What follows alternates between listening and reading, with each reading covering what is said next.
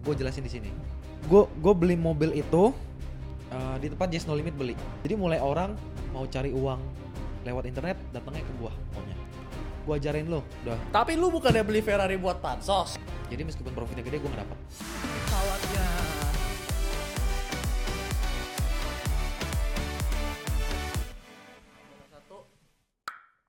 Halo guys, apa kabar? Welcome to Arif 2%. Hari ini tamu pertama kita adalah Rico Huang. Ini adalah sosok pengusaha muda yang mempunyai ratusan karyawan, duit miliaran, properti di mana-mana, dan sebuah mobil Ferrari. Langsung aja, Rico Huang! Yo, what's up guys? Yo, Jadi jadi gua sama lu sebenarnya temenan udah lama ya Rick ya. lama banget Udah dalam empat lima tahun lah. Jadi sebenarnya yang mau gua bilang di sini juga yang mau gua tanya, gua udah tahu semua jawabannya. Iya, Cuman ya karena buat kepentingan podcast akan gua tanya lagi dan banyak yang biasanya nanya ke Rico Huang tuh basic-basic doang lah kayak gimana sukses. perjalanan sukses, Perjalanan sukses. cara mulai. Tapi yang banyak gosip-gosip beredar, gak, gak ada yang berani nanya atau enggak nggak enak atau enggak Rico Huangnya nggak mau jawab mungkin. Jadi gimana bro, lu abis beli Ferrari enak? Gak enak. Oh nggak enak. Nggak enak. Kenapa? Karena gue nggak suka mobil sebenarnya. Hmm. Jadi gue beli gue beli mobil itu kan dulu ceritanya gue beli Mercy nih 400 juta. Umur berapa itu? Ya mungkin sa- eh, berapa tahun yang lalu gue lupa. Kalau tahun gue lupa. Sebenarnya lu beli Ferrari bukan 24 tahun ya bro ya? Enggak. 23 tahun kan 23 tahun. sebenarnya. Iya. Jadi berita-berita yang di itu salah ya? Salah. 24 kan? Iya, 23 kan lu harusnya. Hmm. Soalnya tuh mobil sebenarnya udah di rumah gua Mm-mm. udah lama. Cuman gua nggak pernah cerita kemana-mana. Oh, lu simpen dulu. Iya mobilnya ada dulu di rumah gua. Gua udah ngerancang nih. Pokoknya gua mau ngundang media apa, ngajak influencer apa, terus gua mau campaign apa. Sekaligus gua balikin modalnya berapa lama? Oh jadi lu beli Ferrari sebenarnya bukan buat pakai, Bukan bukan pakai. memang nanti akan lu gunakan Ferrari tersebut. Iya, padahal di internet gue bilang jangan pernah beli bara gengsi Iya. supaya kita produktif. Bullshit. Nggak. Jadi sebenarnya iya gue gue beli barang si Ferrari nggak buat buat buat ini buat buat apa yang tidak produktif. Gue beli untuk kebutuhan bisnis gue sendiri karena dengan Ferrari gue bisa ningkatin omset gue jauh. Gitu Iya. Oh, aja. Oke, oke. Sebelum nanti gue mau tanya gimana cara, kok lu beli Ferrari omset tingkat jauh tuh kayak kayak nggak ada hubungannya Ada kan? hubungannya ya. Ini banyak gosip beredar ini. Lu jarang pakai Ferrarinya, itu Iya. minjem bro. Lu jujur lah. Oke, enggak itu beneran gue beli, sumpah. Lu boleh ngecek, ya. Gue gue beli mobil itu eh, di tempat Yes No Limit beli, Oke, ya. satu supplier. satu supplier. gue nggak ngerti itu mobil kalau ada yang nanya CC-nya berapa, Hmm. terus itu mobil punya function apa, gue nggak pernah uh, tahu dan bahkan selama ini gue cuman memakai mobil itu hanya untuk bertemu Kevin Aprilio di YouTube gue. Oh habis itu sisanya Nggak gue pakai, pinjem, lu pinjemin malah. nggak gue tahu lu belum ada. pinjemin ke, lu pinjemin ke Hanif. Oh ya, cuman cuman karena gue tetanggaan sama Ridwan Hanif, Eh, eh, eh. jadi ya Ridwan pakai cuman satu dua kali doang sih waktu Oh. itu gitu. Jadi berarti- benar-benar cuman buat syuting doang. Terus tapi lu panasin itu mobil. karena gue nggak suka panasin mobil juga akhirnya gue bayar supir buat panasin mobil jadi dulu kan gue nyetir sendiri Ah, ah, ah. gue ngerasa capek lah sendiri kemana-mana waktu gue kebuang terus gue pikir ini satu tantangan baru karena gue harus panasin mobil gue kan ya udahlah gue gue sama supir aja jadi tiap pagi dia panasin Ferrari gue nggak mesti dibawa dia juga nggak bisa bawa ya udah eh, dipanasin aja gitu sama buat syuting udah Terus banyak yang bilang juga bro, kalau lu nih anak orang kaya, itu Ferrari punya bapak lu. oke Itu bener apa enggak sebenarnya? Iya. Dan bagaimana kalau memang lu bisa buktikan lu 23 tahun bukan mobil bapak lu tapi lu bisa beli sendiri itu kok bisa lu beli Ferrari umur 23 Iya, tahun? kadang-kadang gue tuh gua suka benci juga ya sama komentar eh, haters ya. Karena yang di luar tuh semuanya bikin asumsi. Semua orang bikin asumsi. Gue jelasin di sini. Gue bokap gue itu dulu jualan jam tangan. Mm-mm. Eh, anak buah kesayangan Alexander Christie nih ceritanya. Oke. Jadi dia punya beberapa toko di Jakarta.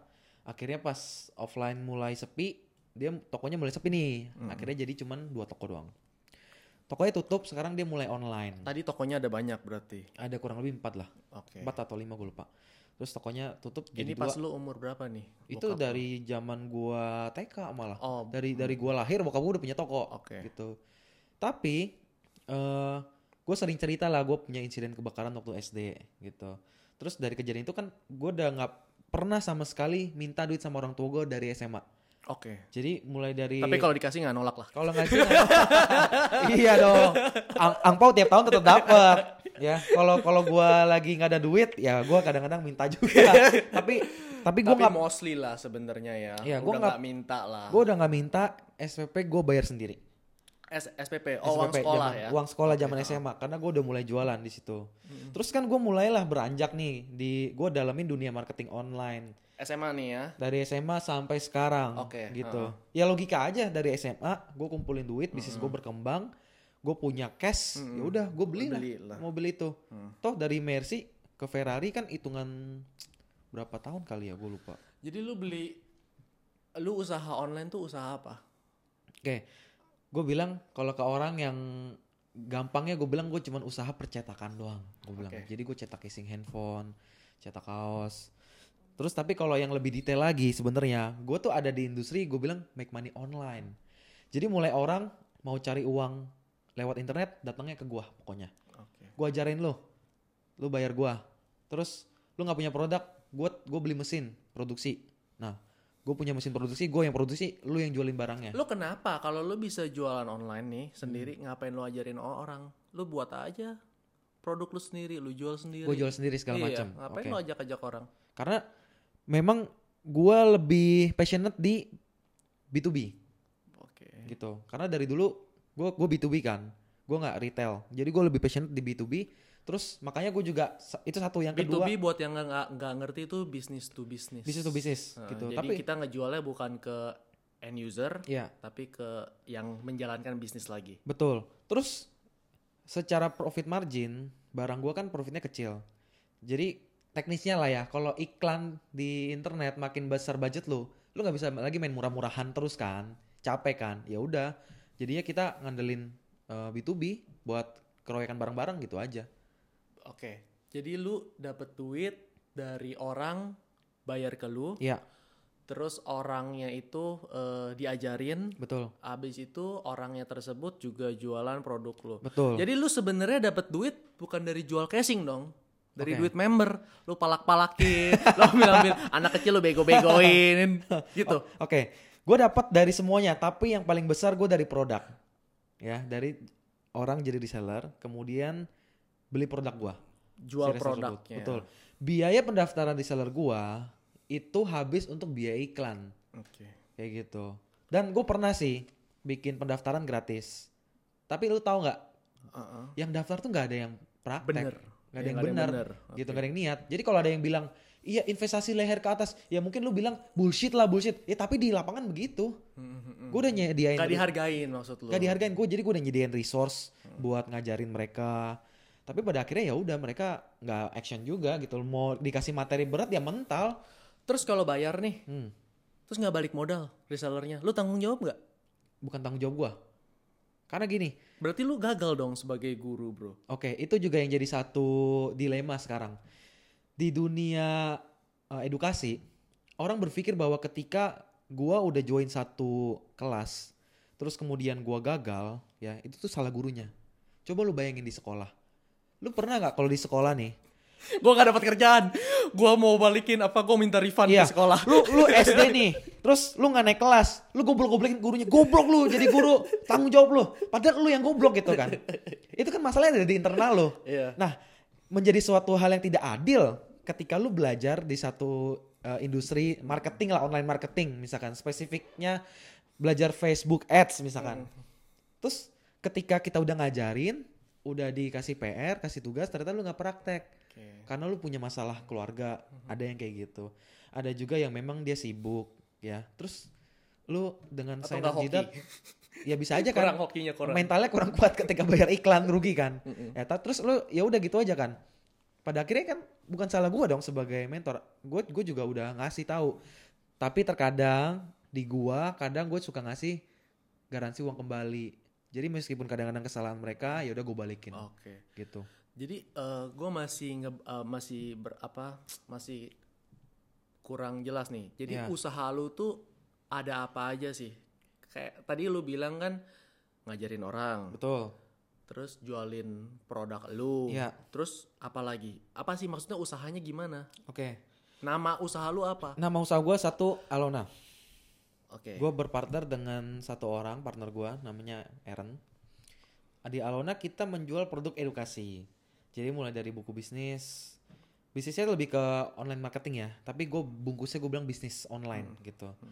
Karena orang lebih mudah tahu bisnis online daripada online marketing. Oke. Terus gue jual software ya untuk Oh lu ada software. untuk web builder ya terus kemudian gua di situ juga Yang software namanya apa?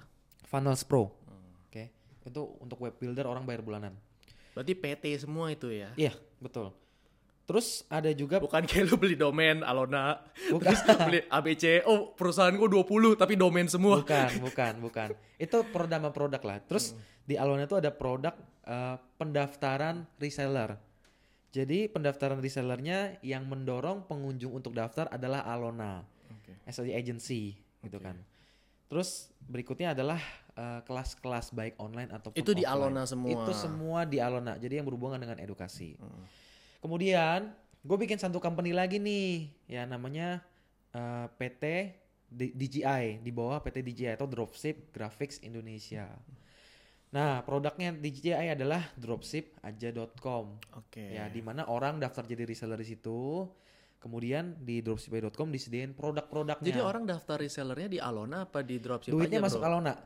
Hmm. oke tapi jualannya di dropshipaja.com ya jadi Alona sebagai marketing agency dropshipaja.com Oke, berarti orang daftarnya bukan sebagai reseller Alona. bukan sebagai Bukan. Ya. reseller Alona Jadi eh, orang daftarnya jadi reseller dropship aja. betul Tapi sebenarnya eh, kalau pendaftaran resellernya itu masuk ke ke Alona Alona Iya. karena Alona yang marketingin betul si dropship aja ini kayak apa produk ya company yang jualan produk company lah jualan produk aja. betul betul termasuk kayak kelas-kelas yang baik itu gratis ataupun berbayar itu semua di maintain infrastrukturnya oleh Alona Mm-mm. gitu tapi Alona memegang dropship aja jadi Alona itu marketing agensinya dropship aja Jadi kalau lu gua tanya persentase, Hmm, lu dapet duit hmm. dari member sama jual produk dropship ajanya nih oke berapa persen? Oke, di dropship aja profit gue gue nggak pernah bagi. Jadi meskipun profitnya gede gue nggak dapat. Oke. Karena Hmm. gue pengen gedein si dropshipaja.com. Tapi kalau di Alona gue dapat terus. Oh berarti lu dapet duit selama ini? Enggak enggak, gua mau tanya income lu secara keseluruhan. nih. Oh oke. Kan ada duit dari jual member, Iya, ada dari jual produk. iya. Ini gedean mana? Gedein dropshipaja.com. Gedean dropship jauh Betul, nih Jauh. daripada lu Iya. dapet duit dari member. Betul, Berarti betul. lu enggak sebenarnya dapet duit dari member juga Banyak juga. ha- banyak tapi habis juga lah Iya. buat marketingnya. Iya, iya, betul, betul. Betul. Di, Berarti kalau lu mau beli apa-apa, gue pakai duit Alona sebenarnya. oh, padahal duit Alona lebih dikit Iya, betul. daripada dropship aja. Iya. Anjing kayak banget dong lu. Makanya si dropshipaja.com bangsat. ya amin lah kalau gue dibilang kaya. Tapi gini kan, banyak itu kan relatif kan. Iya, iya. Bagi orang satu miliar itu ada pengusaha yang satu miliar per jam udah bisa masuk kan. ada yang butuh waktu sebulan, satu tahun. Jadi banyak itu relatif. Cuman kalau gua gue gue pengen ada satu company yang bener-bener gua gedein dari kecil untuk jadi besar Hmm. karena gue punya another company yang menurut gue itu gue udah dapat uang dari situ untuk gue hidup aja gitu Hmm. jadi gue bukan tipe orang yang kayak punya duit habis buat gue nikmatin gue beli rumah beli apa enggak Berarti gitu. lu beli Ferrari juga, aduh, cash kebanyakan nih. Beli ah. Sekalian buat investasi, personal branding gitu. Oke, karena itu kan tujuannya investasi ya, gue pikir.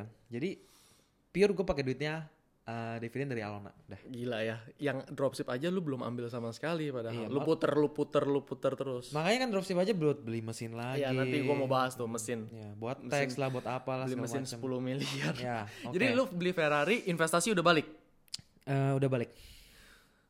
Udah balik. Jual lah, beli lagi. Lamborghini. Makanya tadi gue kayak abis mau beli mesin, gue rencananya pengen jual Ferrari, kayaknya udah nggak terlalu butuh. Udah gak butuh. Iya. Tapi ntar ny- dinyinyirin. Tapi ntar dinyinyir netizen. Jadi, Mana Ferrari lu? iya, mana Ferrari lu udah usaha udah sepi ya lu ya. Mhm. Jadi lu mobil udah ada nih. Heeh. Tapi sebelumnya pasti lu udah ada kayak aset tetap dulu lah harusnya, Bro. Ada rumah atau Oke. ada tanah. Lu ada ada itu ada invest kayak ke tanah atau rumah dulu apa? Udah langsung aja Ferrari gue mau jual diri gue gitu. Oke. Sebenarnya gue gue punya tanah eh, baru gue yang gue beli sebelum gue beli Ferrari. Oh, berarti lu nggak sekonyong-konyong ada duit jebret langsung Ferrari Kagak. kagak. Kagak. Gue juga ada alokasi dana buat investasi. Ya, s- ya gue ada investasi ke beberapa tempat lah gitu. Hmm. Sebelum beli Ferrari, jauh sebelum beli Ferrari, baik itu yang untung ataupun yang rugi. Ya, Iya, rugi. termasuk kit- eh, gua gue rugi sama lu ratusan juta di eh, cryptocurrency. Cryptocurrency. Lu rugi berapa? Lumayan lah. Sebut dong, sebut. Sebut ya. Sebut dong. Ya, ratusan lah. Berapa berapa? Kerugian lu dibagi dua. Iya. Berarti gue sebut ya. Iya. 350 juta gue rugi. Iya. Ya, lu berarti 150 something lah. Ya, jadi gue tuh udah menginvestasikan ke beberapa tempat. Ah, Bisnis Hmm, Tanah, modal tanah, tanah. Jadi lu beli tanah di mana, Bro? di pasar minggu. Pasar Minggu. Nah, rencananya tanah itu sekitar 1.400, gue pengen bangun. Lu beli tanah 1400 meter Iya. di Jakarta Selatan. Iya, itu rencananya mau gue bangun buat tempatnya dropshipaja.com. Oh, kita mau tempat parkir, Bro. Mobil gue kan cuma dua. ya, lu mau bangun tanah itu. Oh, lu beli tanah tok yang nggak ada bangunannya. Ada bangunannya sih, cuman eh, mungkin Nothing 200 lah 200 ya. meter doang lah bangunannya gitu. Terus Bangunan orang bangun buat bisa dicicil dong. Keluar IMB. yang penting keluar IMB aja kan. Iya. Oke oke itu lu mau bangun apa bro? Tadinya mau bangun Lu nggak mau bangun rumah idaman? enggak enggak. enggak. Kenapa? Kan lu bisa jual diri lu, lu Ferrari nih, Ferrari anggaplah 5M lah ya, 4 sampai 5M. Iya, Terus udah balik modal. iya. Hmm. Lu bikin rumah dong 25 miliar. Balik modalnya juga 25 miliar. Logikanya kan gitu kan. Gue kayaknya kalau rumah gue lebih baik cicil aja nanti. Maksudnya Hmm. cicil gue sewa aja deh. Oke. Entah kenapa gue sekarang belum kepikiran untuk membeli sebuah rumah sih. Oh berarti lu tipe orang yang ah rumah tanah nggak penting lah. Iya. Mendingan sewa. Ya tapi oh ini gue gue main aman ya. Tanah Hmm. tuh ya ada pentingnya ada nggak cuman kalau untuk sekarang gua gue lebih baik investasi uang gua ke bisnis ke gue bisnis dulu. Betul. Karena sebenarnya rumah itu kalau lu tempatin juga buat kesenangan ya. Buat kesenangan jadinya. aja, Jadi iya. aset guna lah Iya. aset. Kalau dibilang gue Aset happy-happy. pengen punya rumah idaman ya gue pengen gitu. Tapi gue lebih baik gue nunda kesenangan gua dulu sekarang karena gua punya bisnis yang menurut gua bisa gede gitu aja. Kayak lu dulu lah pas bangun baru bangun lah baru bangun bisnis lu mungkin kalau lu waktu saat itu bisa beli BMW Ya. misalkan tapi maksa Betul. belum tentu ada Ferrari hari ini. Iya Bener iya. nggak? Jadi lu juga sebenarnya lu pakai mobil kan lu dari udah Iya. apa ki- apa mobil apa ya? lu? Dari zaman gua pakai Innova. Iya, Innova Ini gua mau tahun berapa tuh waktu itu? gue lupa tapi itu udah lama banget yang Innova Bobo zaman dulu tuh Mm-hmm. itu mobil tuh udah pernah nabrak hancur banget di tol kan waktu Dan itu lu nggak ganti. dan gue gak ganti gue klaim asuransi dia benerin lagi padahal harapan Padahal sebenarnya di saat di posisi itu, lu sebenarnya udah bisa lah beli BMW. udah bisa Iya kan? Lu mau beli cash juga bisa lah Bisa, istilahnya. bisa, Tapi bisa. lu tahan, tapi gue tahan tahan terus, tahan terus. yang orang lihat yang orang lain lihat gue tuh kayak membeli sesuatu maksa padahal enggak, enggak. gue tuh udah bisa waktu itu jadi meskipun gue beli gue udah punya Mercy gue udah bisa beli Ferrari Iya. cuman gue nggak mau ke sana Tapi kalau ketika saat lu punya Mercy, ya lu beli lu beli Ferrari, mungkin gue akan maksa lah maksa istilahnya ya. betul berarti kan ada uang di bisnis gua yang gua pakai bukan untuk menterin bisnis tapi buat beli barang yang mewah gitu aja kan Atau enggak ngepas lah lu kalau mau itu juga bayarnya setengah mati gitu ngorbanin semuanya. Iya. Gua bilang lebih worth it ketika duit gua masuk ke bisnis daripada gua untuk pansos gitu Iya. jadi ya udah ketika udah Tapi lu bukannya beli Ferrari buat pansos. emang gua buat pansos Hah? jujur Kita ngomong ke pansos deh sekarang. ya Jadi gunanya Ferrari lu itu sebenarnya buat narik reseller biar kelihatan, "Woi anjir, orang sukses nih." Bener gak? betul Biar dia daftar member lu. Bener dong. betul setuju betul Jadi nggak apa-apa tuh sebenarnya pansos nggak kayak gitu. apa-apa karena gua ngomong apa adanya aja sekarang orang kalau ngelihat kesuksesan seseorang tuh dengan dengan gue bilang eh gue beli jam mewah orang nggak nggak Enggak gitu ya. kan. Oh, iya, Dengan udah. ya udah gitu. Terus apa? Gue beli tanah yang Iya. harganya lebih mahal daripada mobil Bisa gua tiga empat kali lah kalau di Jaksel. dan ya udah harganya. gitu. Hmm. Terus ya udah dong. Gue beli mobil aja. Teng, langsung Langsung diliput semua. langsung diliput media, langsung banyak teman-teman eh, yang bantuin. Gue kemarin berterima kasih banget gue dibantuin Radit, gue dibantuin Ridwan Hanif, dibantuin teman-teman semua. Gue thank you banget. Menghasilkan uang gitu loh. Iya. Jadi kalau dibilang pansos ya iya. Kalau lu li- tahu MLM kan setiap orang di MLM kan foto sama mobil, foto sama mobil dapat member.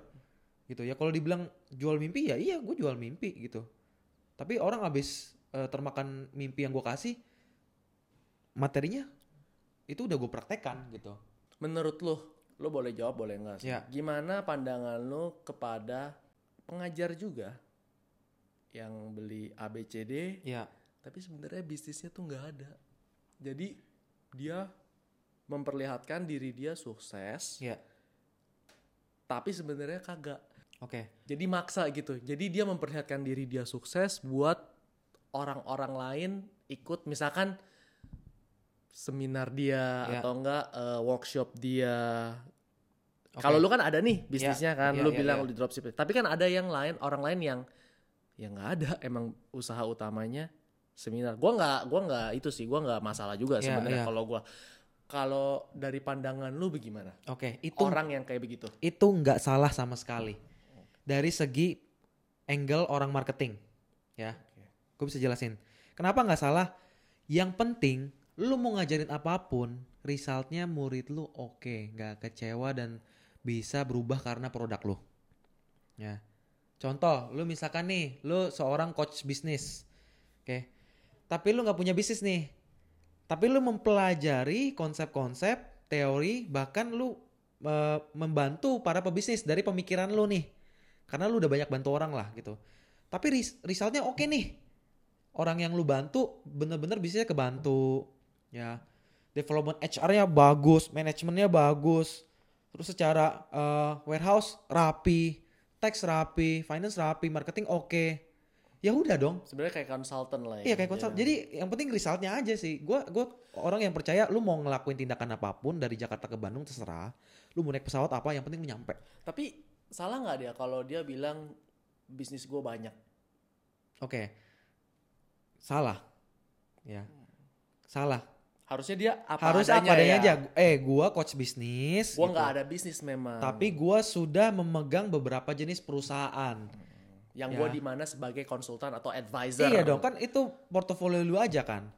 Kayak gitu. Justru yang harus lu tampilkan adalah portofolio lu Jan. Itu nggak salah gitu. Dan kalau dia ternyata pakai mobil mewah atau apa buat dapetin leads, konsumen yang percaya sama dia, ya so Wajar what, lah ya. Itu wajar lah. teknik Iyalah. marketing sebenarnya ya. Iya. Lah menurut gua gua sebagai orang marketing ya ya wajar Justru itu.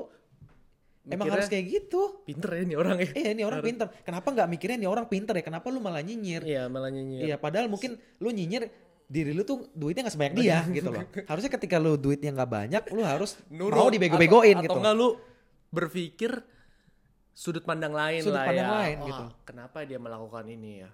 Ya apa jangan-jangan ntar ke B, ke C, ke D gitu. Oh tekniknya begini Iya, gitu ya di, pos- harusnya. di posisi gua sekarang, ketika ada orang yang lebih hebat dari gua, gua nggak masalah dibego-begoin. Hmm.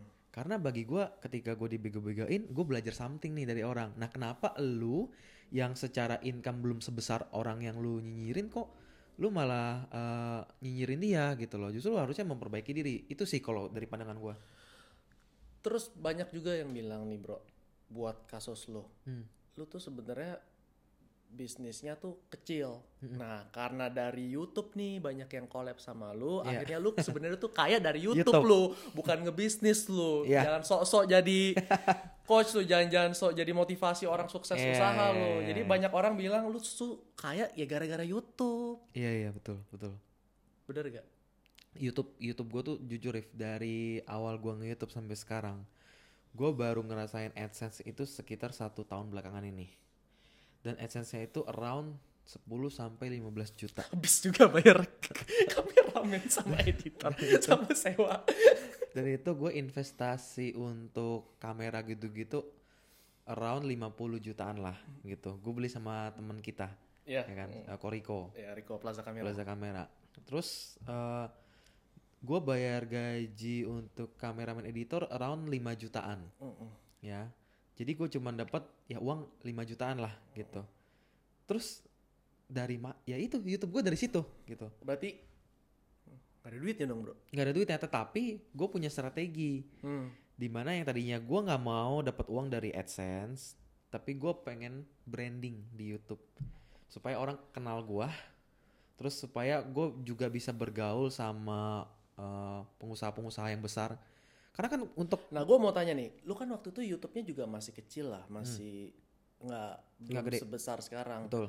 Kayak cuman 50 ribu, 100 ribu. Tapi kenapa lu bisa kenalan sama orang-orang yang super sukses? Gue bilang kayak yang punya JNE, Iya. yang punya Cleo, Iya betul.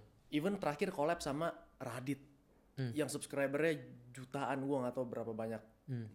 di atas 5 juta lah pokoknya Iya. padahal lu cuman tiga Gua bukan siapa-siapa, ya lu lu, toh. lu nothing Iya. Ketika gue dipublish mereka juga mereka yang rugi. lu bayar mereka ya Selama ini orang-orang yang gue interview nggak pernah gue bayar sama sekali. 100% pure karena mereka mau gue wawancara. Terus gimana cara gue bisa approach ke mereka? Gue orang yang selalu bantu orang terlebih dahulu ya tanpa perlu ngemis-ngemis ke orang tersebut. Ya, jadi gue bukan tipe orang yang kayak gue ketemu lu nih Rif. Terus gue bilang Rif, lu kan di clothing jago nih Rif. Ajarin Ajarin gue gua dong. dong. Enggak, gue nggak kayak gitu. Karena lu gimana gua gua datang ke lu gua kenalan dulu ya ketika lu butuh ilmu pengetahuan yang gue bisa bantu gue bantu Hmm. tanpa Gitu. mengharapkan imbalan tanpa mengharapkan imbalan terus kalau ketemu nggak ada kerjasama nggak apa-apa ya udah nating tulus aja kalau di luar kan kebanyakan nih Hmm. itu orang datang ke seorang yang sukses tuh pertama minta ilmu kedua minta kerjaan ya pak ada kerjaan nggak pak ya yang paling terakhir nih minta duit nih langsung to the point tiga dulu pinjem duit ya pinjam duit kalau nggak bisa pinjem minta minta ya bisu nangis jadi kan itu bikin orang ilfil dong nah gue belajar dari pengalaman itu gue nggak mau ngelakuin itu makanya gue kenalan sama orang eh, yang sukses itu gue juga jaga etika lah gue jaga attitude jadi lu nggak sekonyong-konyong eh interview yuk betul gue bayar deh betul ada salah satu tokoh yang gue untuk interview dia gue harus datang ke Singapura beli tiket gitu terus gue dikenalin sama teman gue gue bilang eh kena eh, dia malah temen gue yang bilang eh lu gue kenalin yuk gitu terus gue dikenalin akhirnya kita tur- tukeran kartu nama kita ketemu dulu ngobrol gue baru wawancara terus menurut lu itu uang dari YouTube gitu Iya nggak bisa. Iya, nggak bisa. balik lah. Kalau sebenarnya kalau lu cuman sebulan untung, ya nggak untung juga sih Ya, itu balik nggak untung, modal iya. sih. iya jadi gue Berarti lu bukan kaya dari YouTube bukan bukan kayak dari sama YouTube sekali. iya tapi gue bisa membuat YouTube gue jadi uang ya dengan cara branding tadi Bukan dari AdSense-nya. bukan dari ya? AdSense-nya Tapi dari eh, funneling-nya. dari funnelnya ya Jadi buat- orang nonton interview, betul habis itu eh, cari tahu siapa cari tahu siapa Riko Rikoang Wang. Mm. muncul kan dia ngeklik satu website gua atau follow satu akun gua di sosmed habis itu gue iklanin Hmm. Habis itu. Dan itu- berkali-kali itu nggak ketahuan sebenarnya. Tapi kalau dibilang tapi sebenarnya sa- bisa dong bro kalau gue bilang kayak dari YouTube kan secara tidak langsung duitnya dapet. ya YouTube menjadi salah satu part dari eh, funnel gua nih Hmm. tapi kalau dibilang sekonyong-konyong gua dapat duit dari YouTube begitu aja nggak bi- nggak kayak gitu Dan lu nggak nggak ada brand juga masuk ya? ada Eh. nggak brand? ada brand gue sendiri Brand yang lain? kadang-kadang Iya, ada juga eh, kayak misalkan partner gua waktu itu kan gua kerja sama sama ekspedisi kita bikin Oke. Hmm. kita bikin event ya dia gue masukin terus gua kerja sama sama software accounting ya gue Tapi memang juga- pakai dia Nothing juga sih ya. Iya, dapat uang lah. Ya, lumayan lah. Cuman Ya, gue buat beli- saling bantu lah, Beli saling ban bantu. Ferrari juga nggak bisa bro, anjir bro. Saling bantu lah, Gua tapi tahu intinya. susahnya kok bro. Kayak gitu. Oke, kayak gue lah, gue sekarang uh, bikin YouTube, Ya. terus gue iklan nih, liveoff.com Iya. garis miring Ya ini funnel lah, marketing sebenarnya. Ini funnel betul. Ya. Karena nggak boleh puas dalam satu bidang marketing atau bidang sosial media, misalkan udah jago Instagram, ya udah to- Bapak bisa silent dulu oh nggak handphone iya, bapak? Asik, sorry, sorry, sorry. Udah mati. Oke, lanjut, lanjut. Iya nggak sih? Gua Nggak minum bisa nggak bisa fokus, nggak bisa fokus kayak satu atau nggak lu main eh, marketplace aja, abis itu nggak mau kemana-mana lagi. Iya. Satu hal yang pengen gue kasih tahu. Jadi eh, soal konsistensi. Hmm. Gua orang ngeliat gue nih sekarang kayak wah enak banget ya udah punya followers, udah punya channel itu buka ini itu ini itu gampang. Mereka nggak tahu gua tidak pernah berhenti nulis dari enam tahun yang lalu dari zaman gua main Twitter. Jadi dulu gue punya akun Twitter kan 10 Oke, itu ramalan, cinta, motivasi dan lain. Oh bukan bisnis? Ad- eh, Nggak ada bisnis. Oh, Niche-nya. oh, lu mulainya dari situ. Dari Twitter. Gue punya 8, gue punya 10 akun, satu hari akun gue nge-tweet 8 tweet, Rif. Jadi ada 80 tweet yang gue tulis setiap hari. Tapi pakai tim. Enggak, gue sendiri. Lu sendiri. Gue sendiri. Gue sendiri. Dan di situ posisi gue, gue masih jualan aksesoris handphone. Jadi gue nge-tweet, terus kan gue ngiklan buat produk aksesoris handphone gue sendiri dong. di media apa? Di media Twitter Twitter Buzzer gue. tersebut lah ya. Betul betul. Dan gue juga punya profesi waktu itu jadi buzzer. Oke. Eh, buzzernya bukan buzzer politik tapi buzzer untuk ngiklanin toko online toko online orang. Oh, jadi sebenarnya hmm gua ngerti deh Oke. sekarang. Oh, jadi ya ya ya. Lu kayak dagelan lah kalau Zaman orang-orang Twitter. zaman Twitter. Zaman Twitter. Gue bisa naikin trending topik hitungan 10 menit di dunia langsung. Gitu. Terus tapi tapi turun seketika juga sih Oh, habis lu itu. utamanya pertamanya itu. Besar Twitter. Jadi, tapi itu udah jualan casing handphone dulu. Gue udah jualan aksesoris handphone jadi kayak baterai, BlackBerry zaman dulu, Tongsis gitu-gitu. itu Gitu gua udah jualan. barengan sama media lu yang itu buat. barengan Ah. barengan sama media itu cuman gua nggak cuman gua kalau cerita ke publik gua cuman bilang gua cuman punya akun twitter bla bla bla tapi gua nggak pernah cerita ini Sebenarnya lu udah ada nih casing handphone, eh, apa Ya. aksesoris handphone. iya Tapi kalau ngiklan terus ribet betul buang-buang duit terus Betul. akhirnya lu buat media sendiri Betul. kayak betul dari kalau twitter zaman dulu ya dagelan Iya. apalagi ya jadi gua nge-tweet 80 tweet tuh sehari tuh bisa ada 500 sampai 800 pin BB masuk tuh dan gua balesin satu-satu sambil gua nge-tweet lu jadi customer service juga betul lu jadi Betul. buzzer juga Gua packing Ah, barang sendiri. creating content Ya. juga betul dan twitter mati oke bisnis gua aksesoris gua down tutup ya tutup dan ketika dia keluar tim-timnya dia juga keluar